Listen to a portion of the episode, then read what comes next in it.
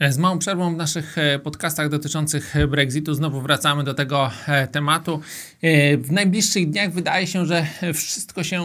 wyjaśni, czy prawie wszystko się wyjaśni, co dalej z Wielką Brytanią. Dzisiaj będziemy mieli głosowania dotyczące wydłużenia okresu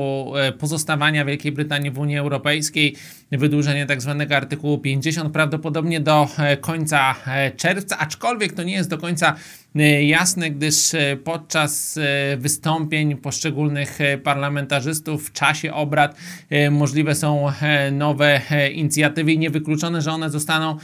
poparte. Natomiast na tę chwilę scenariusz przynajmniej ze strony brytyjskiego rządu, gabinetu premier May jest następujący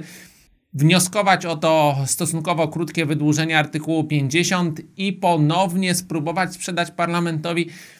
ten sam y, plan y, wyjścia z Unii Europejskiej, to, to samo porozumienie z jakimiś być może małymi zmianami dotyczącymi backstopu, no i zaryzykować, czy przypadkiem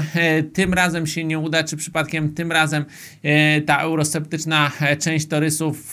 czyli współpracowników premier Teresy May w znacznym stopniu wreszcie nie poprze tego planu, a zagrożeniem dlatego ma być bardzo wyraźne przedłużenie okresu funkcjonowania Wielkiej Brytanii Brytanii w Unii Europejskiej nawet o kolejne 21 miesięcy, czyli do końca 2020 roku na obecnych zasadach, po, później niewykluczone, że byłoby, czy w czasie, te, w czasie tego okresu byłoby kolejne referendum, kolejne wybory do e, Izby Gmin. I to ma być taki straszak na eurosceptycznych członków Torysów, żeby oni jednak wzięli to porozumienie, które jest na stole, którego do końca nie akceptują, ale alternatywę mają e, następującą, że Brexitu może nie być w ogóle, albo ten proces będzie rozwleczony, albo te e, kontakty z Unią będą bardzo, bardzo bliskie na zasadzie e, wspólnego rynku plus e, Unii Celnej, czyli prawie, prawie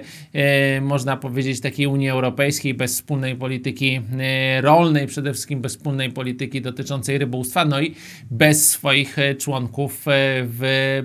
parlamencie europejskim. Także takie wzięcie, można powiedzieć, Unii Europejskiej wszystkich tych elementów, które są nakazowe, natomiast bez żadnej możliwości decydowania o tym, co się dzieje w Unii, właśnie ze względu na brak e, swoich reprezentantów. Także być może ten plan się powiedzie, a jeżeli się nie powiedzie, to też można powiedzieć, wcale to nie jest zła informacja dla funta, gdyż wszystko na to wskazuje, czy większość na to wskazuje elementów, że ten Brexit będzie łagodny, łagodniejszy niż sądzono, chaotycznego Brexitu nie będzie, praktycznie nie będzie, więc cały czas można powiedzieć, że wszystkie możliwe w tym momencie najbardziej prawdopodobne rozwiązania są raczej pozytywne niż negatywne dla funta i powinni utrzymać ten